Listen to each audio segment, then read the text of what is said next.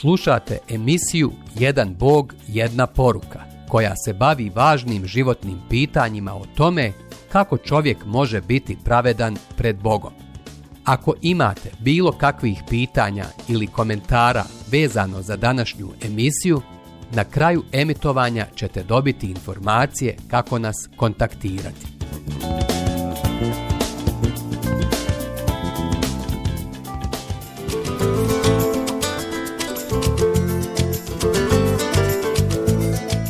Jedan Bog, jedna poruka. 12. poglavlje Zakon grijeha i smrti Odgovori im Isus Zaista, zaista kažem vam Tko god čini grijeh, rob je grijeha Ivanovo evanđelje, 8. glava, 34. stih Adam i Eva su se pobunili protiv svog stvoritelja i gospodara zato su, poput Sotone, izgubili odnos sa njim i postali robovi grijeha. Poput djece koja su prekršila jasnu očevu riječ. Prvi muškarac i žena više nisu bili jedno sa onim koji ih je volio i starao se o njima. Osjećanje radosti i pouzdanja zamijenilo je osjećanje nečistoće i stida.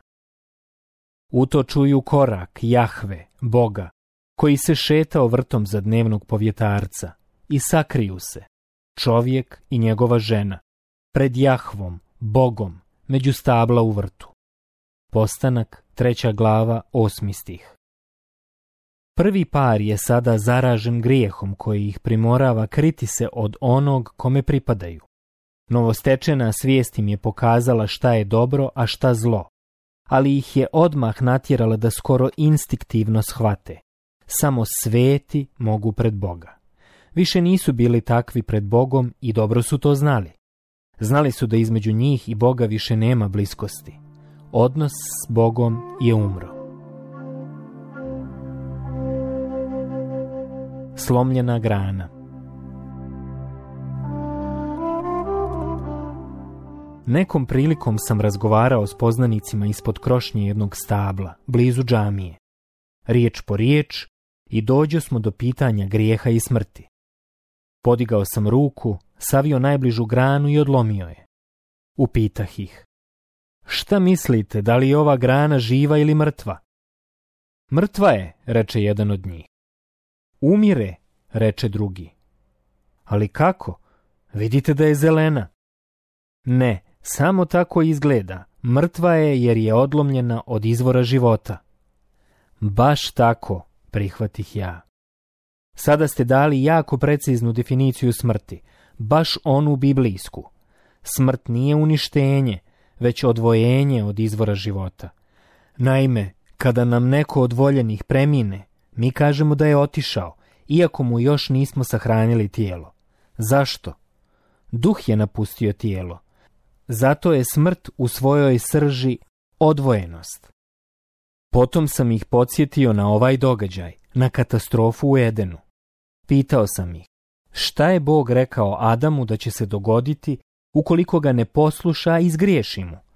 Da odmah počne s vjerskim ritualima, s molitvama, postom, milostinjom, odlaskom u džamiju ili crkvu. Ma kakvi, odgovorili su mi. Rekao mu je da će umrijeti. Baš tako i jasno i glasno kazna za grijeh biće smrt. Ali recite mi, nakon što njih dvoje nisu poslušali Boga, nakon što su jeli zabranjeni plod, da li su se istog trena srušili mrtvi? Nisu. Da, nisu, ali zašto je onda Bog rekao Adamu da će se baš to dogoditi kada bude jeo zabranjeni plod? Potom sam im govorio o Božjoj definiciji smrti kao o trojakoj odvojenosti koja je uslijedila nakon što je prvi čovjek svojevoljno rekao ne božanskoj zabrani.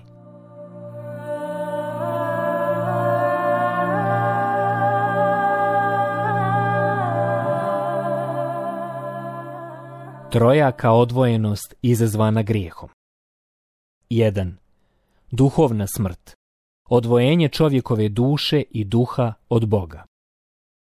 Onog časa kad su Adam i Eva sagriješili protiv Boga, pukla je duhovna veza. Poput grane odlomljene od stabla, odlomljena je i njihova veza s Bogom. Ali to je bio tek početak loših vijesti. Njihovi potomci dijelit će sudbinu ovog odvojenja. U Adamu svi umiru. Prva poslanica Korinčanima, 15. glava, 22. stih. Uprkos jasnog učenja Biblije, mnogi danas smatraju kako svaki Adamov i Evin potomak, rađajući se kao beba, dolazi na ovaj svijet nevin, čist i bezgrešan. Smatraju da to sa slomljenom granom baš i ne stoji. Ali šta je to onda mrtvo u grani odlomljenoj od stabla? Sve. Da, baš sve. Pa i oni mali slatki pupoljci. Eh, kada bi oni i zeleno lišće mogli govoriti, vjerovatno bi uzviknuli. Samo čas. Pa nije naša greška što se grana odlomila. Sada mi plaćamo cijenu tuđeg postupka. Šta se nas tiče ono što neko drugi uradi? Nažalost, tiče se. Božja riječ nam kazuje da je sav ljudski rod bio tada u Adamu. Sviđalo se to nama ili ne, dio smo te odlomljene grane i snosimo posljedice odvojenja od Boga u potpunosti. Kada je Adam zgriješio, zarazio je grijehom i sebe i sve svoje potomke, svo čovječanstvo. Selo u kome se sada nalazim dok pišem ove redove dobija vodu iz rijeke Senegal, udaljene nekoliko kilometara od nas. Imamo mi i seoski bunar, ali ga ne koristimo. Ne pijemo vodu iz njega. Pogađate zašto? Voda je slana. Svaka kofa, svaka čaša, svaka kap ima isti sastav. Tako je i sa svim Adamovim potomcima. Zaraženi smo grijehom. Zato je svakoj tek rođenoj bebi grijeh prirodna stvar. Priroda nam je u samoj srži ogrijehovljena. Da bismo bili dobri i iskazali vrlinu, potreba nam je svjesni napor, muka, dok sebičnost i sve ono loše ne traži ama baš nikakav trud. Evo kako prorok David opisuje tu našu urođenu naklonost ka grijehu. Evo grešan sam već rođen, u grijehu me zače majka moja. Psalam 51. sedmi stih. Na krivu su putu bezbošci od krila majčina. Na krivu su putu lašci od utrobe. Psalam 58. treći stih. No, svi skrenuše zajedno, svi se pokvariše, nitko da čini dobro, nikoga nema. Psalam 14. 3 stih. Volov, narod Senegala, ima neke sjajne poslovice koje su mi uveliko pomogle bolje razumjeti ovu istinu. Recimo, kažu, mišne koti nakot što ne gricka. Kako bi ogrijehovljeni Adam na svijet donio potomke koji ne griješe? Ili kako još kažu volofi, eh, kad bi zaraza ostala na svome uzročniku. Tragično, ali tako je poput urođenih deformiteta pri rođenju ili poput zaraza, i Adamova grešna priroda se prenijela na sve ljude tokom čitave istorije svijeta. Zbog toga, kao što po jednom čovjeku uđe u svijet grijeh i po grijehu smrt, i time što svi sagriješiše, na sve ljude prijeđe smrt. Rimljanima poslanica peta glava, 12. stih primijetimo da je jasno istaknuto kako je preko jednog grijeh ušao u sav svijet. Zato su svi sagriješili. Grešni se rađamo i u praksi potvrđujemo to stanje.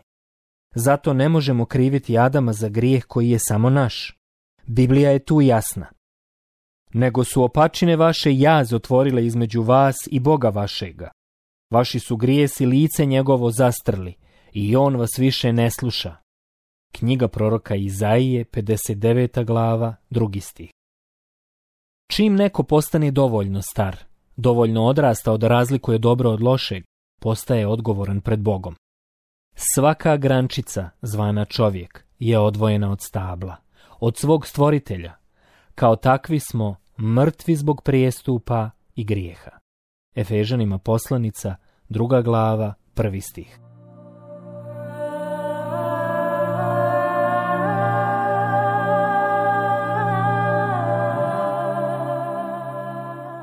2. Tjelesna, fizička smrt. Odvojenje čovjekove duše i duha od tijela. Kada su Adam i Eva sagriješili, ne samo da su umrli duhovno, već su počeli i fizički, tjelesno da umiru. Naime, kao što se grana odlomljena od stabla ne osuši u trenutku, tako se ni prvi ljudi nisu nakon prvog grijeha odmah stropoštali mrtvi. Ali već tada im je tijelo napadnuto procesom umiranja, zaraženo dušmaninom od koga niko nikada nije pobjegao. Dakle, i kod njih dvoje, i kod svih njihovih potomaka samo je pitanje vremena kada će im smrt stići. Smrt jaše brzu kamilu, kaže arapska mudrost. Niko joj još nije pobjegao, baš kako kaže Biblija. I kao što je ljudima jednom umrijeti, a potom na sud. Hebrejima poslanica, deveta glava, 27. stih.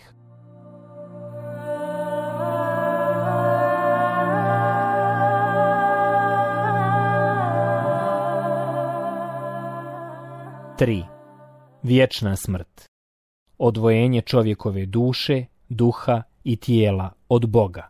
Zauvijek. Grana, živo spojena sa stablom, dizajnirana je da na sebi nosi lišće, da cvjeta, pupi i rađa plodovima. Odlomljena, mrtva grana vene i jedino je vrijedna vatre. Kada je prvi čovjek zgriješio Bogu, obezvrijedio je privilegiju svog dizajna. Proslavljati Boga i uživati svu vječnost, bliskost zajedništva s njim. Čovjek, sazdan da uz vječnoga i sam živi vječno, zgriješio je svom stvoritelju i gospodaru. Kazna za taj čin neposlušnosti bila je vječno odvojenje od Boga. Da gospod po svom smilovanju nije obezbijedio lijek, rješenje za Adamov i Evin grijeh.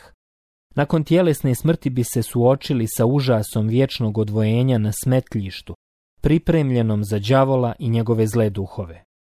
Biblija taj događaj naziva drugom smrti, jer se dešava nakon one prve, tjelesne smrti.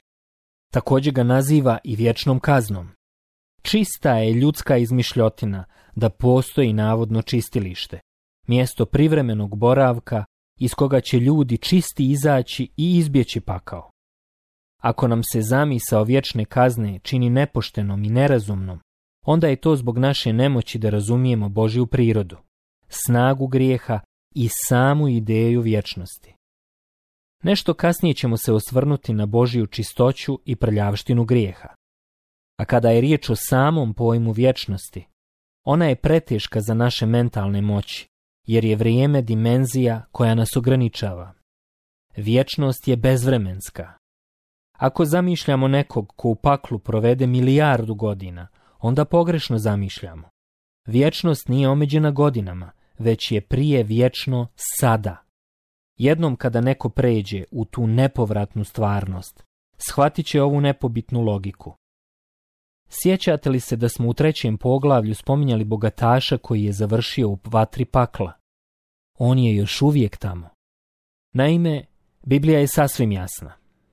Ali unj, u nebo, neće unići ništa nečisto i nijedan tko čini gadost i laž, nego samo oni koji su zapisani u Jagančevoj knjizi života. Otkrivenje, 21. glava, 27. stih. To je trenutak u kome nema više kompromisa. Kao što božanski zakoni prirode čini da se odlomljena grana suši i vene, tako i njegovi duhovni zakoni zahtijevaju da svaki grijeh bude kažnjen duhovnim, fizičkim i vječnim odvojenjem. Grijeh i stid Vrijeme je da se vratimo Adamu i Evi tamo gdje smo ih ostavili, sakrivene u žbunju pred licem gospoda koji ih je tražio. Prije grijeha su ih okruživali jedino Božija slava i savršenstvo. U prisustvu svog stvoritelja i gospodara uživali su u potpunosti. Ali čim su prekršili Božiji zakon, vidjeli su sebe u drugačijem svjetlu. Bilo im je neprijatno, ali ne samo zbog tjelesne golotinje, već zbog svoje duhovne ogoljenosti. Prije sagrišenja imali su puninu svijesti o Bogu i, premda goli, nisu se stidjeli. Postanak, druga glava, 25. stih. Sada su posjedovali neprirodnu svijest o sebi i osjećanje da su prljavi pred svojim svetim Bogom. Prva ljudska stvorenja su postala stvoriteljevi protivnici. Bili su nesveti, nisu više željeli blizinu, sjaj i čistoću božanske prisutnosti počeli su da se kriju od svjetla kao bubošvabe. Ali ljudi su više ljubili tamu nego svjetlost, jer dijela im bijahu zla. U istinu, tko god čini zlo, mrzi svjetlost i ne dolazi k svjetlosti da se ne razotkriju dijela njegova. Ivanovo evanđelje, treća glava, 19. i 20. stih. Adam i Eva su razotkriveni, razgoličeni i osramoćeni. Osjetili su da više ne pripadaju ovom mjestu, ovom vrtu. Čuli su glas Božiji i uplašili se. Nisu više htjeli da budu u svog svetog i voljenog stvoritelja. Svejedno, on je želio. Došao je i potražio ih. U Božjoj je prirodi potražiti i spasiti izgubljeno. Lukino evanđelje, 19. glava, 10. stih. Bog traži čovjeka. Jahve Bog zovne čovjeka. Gdje si? Reče mu. On odgovori. Čuo sam tvoj korak po vrtu. Pobojah se jer sam gol, pa se sakrih. Na to mu reče. Tko ti kaza da si gol? Ti si dakle jeo sa stabla, s kojega sam ti zabranio jesti. Postanak treća glava od 9. do 11. stiha. Primijetimo prvo Božije zabilježeno pitanje postavljeno čovjeku. Gdje si? Bog s ljubavlju i predanošću želi da Adam shvati kakvo zlo su on i žena uradili. Želi da mu se vrate i priznaju grijeh. Želi da shvate to zlo koje se sada ispriječilo između njih i njega, njihovog svetog gospoda našli su se u ovim okolnostima i to je bio isključivo njihov problem. Grijeh im je donio krivicu i stid. Zbog grijeha se sada kriju iza stabala i grmlja. Ali to im ne polazi za rukom, ne mogu pobjeći božanskoj pravednosti i božanskom svevidećem sudu. Grijeh zaslužuje smrt. Bog se nije šalio rekavši Adamu, u onaj dan u koji s njega okusiš, zacijelo ćeš umrijeti. Postanak, druga glava, 17. stih. Duboko u sebi, u srcu, osjećamo da oni koji se bune protiv svog stvoritelja zaslužuju odvojenje od njega. Svi znamo filmove u kojima dobri na posljedku pobjeđuju loše koji ginu. Osjećamo li sažaljenje prema zlikovcima? Ne, Smatramo da su dobili šta su zaslužili. Tužna stvarnost je da su u Božijim očima svi Adamovi potomci loši momci i djevojke. Od Boga se svi odvratiše, pokvareni svi postadoše. Nema toga koji čini dobro, takvoga ni jednoga nema.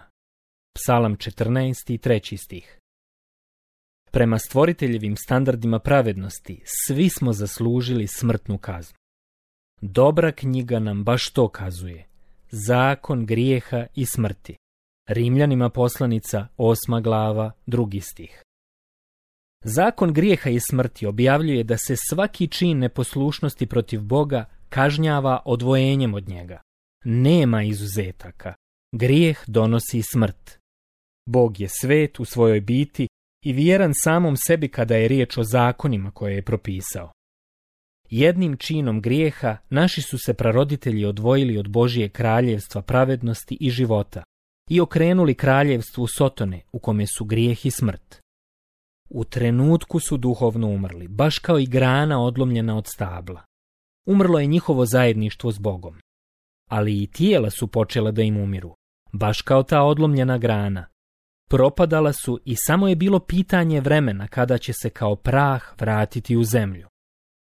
Najgore je što bi doživjeli i onu najguru dimenziju smrti, vječnu, da se milostivi gospod nije pobrinuo za lijek protiv njihovog grijeha i krivice. Bili bi dovijeka odvojeni od njega i bačeni u ognjeno jezero pripremljeno za đavola i njegove pale anđele, zle duhove. Sveto pismo je jasno. Onaj koji izgriješi, taj će i umrijeti. Knjiga proroka Ezekijela, 18. glava, 20. stih. Jer plaća je grijeha smrt. Rimljanima poslanica, 6. glava, 23. stih. A grijeh izvršen rađa smrću. Jakovljeva poslanica, prva glava, 15. stih. Dakle, postoje dobri razlozi zašto Bog ovu opaku stvarnost naziva zakonom grijeha i smrti prosto, to je zakon. Grijeh mora doći na naplatu, mora biti kažnjen.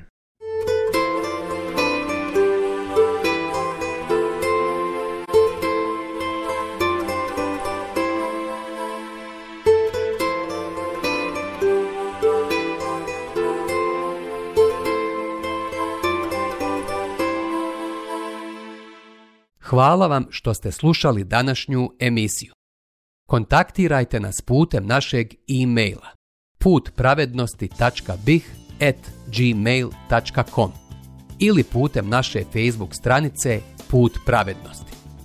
Do sljedećeg slušanja.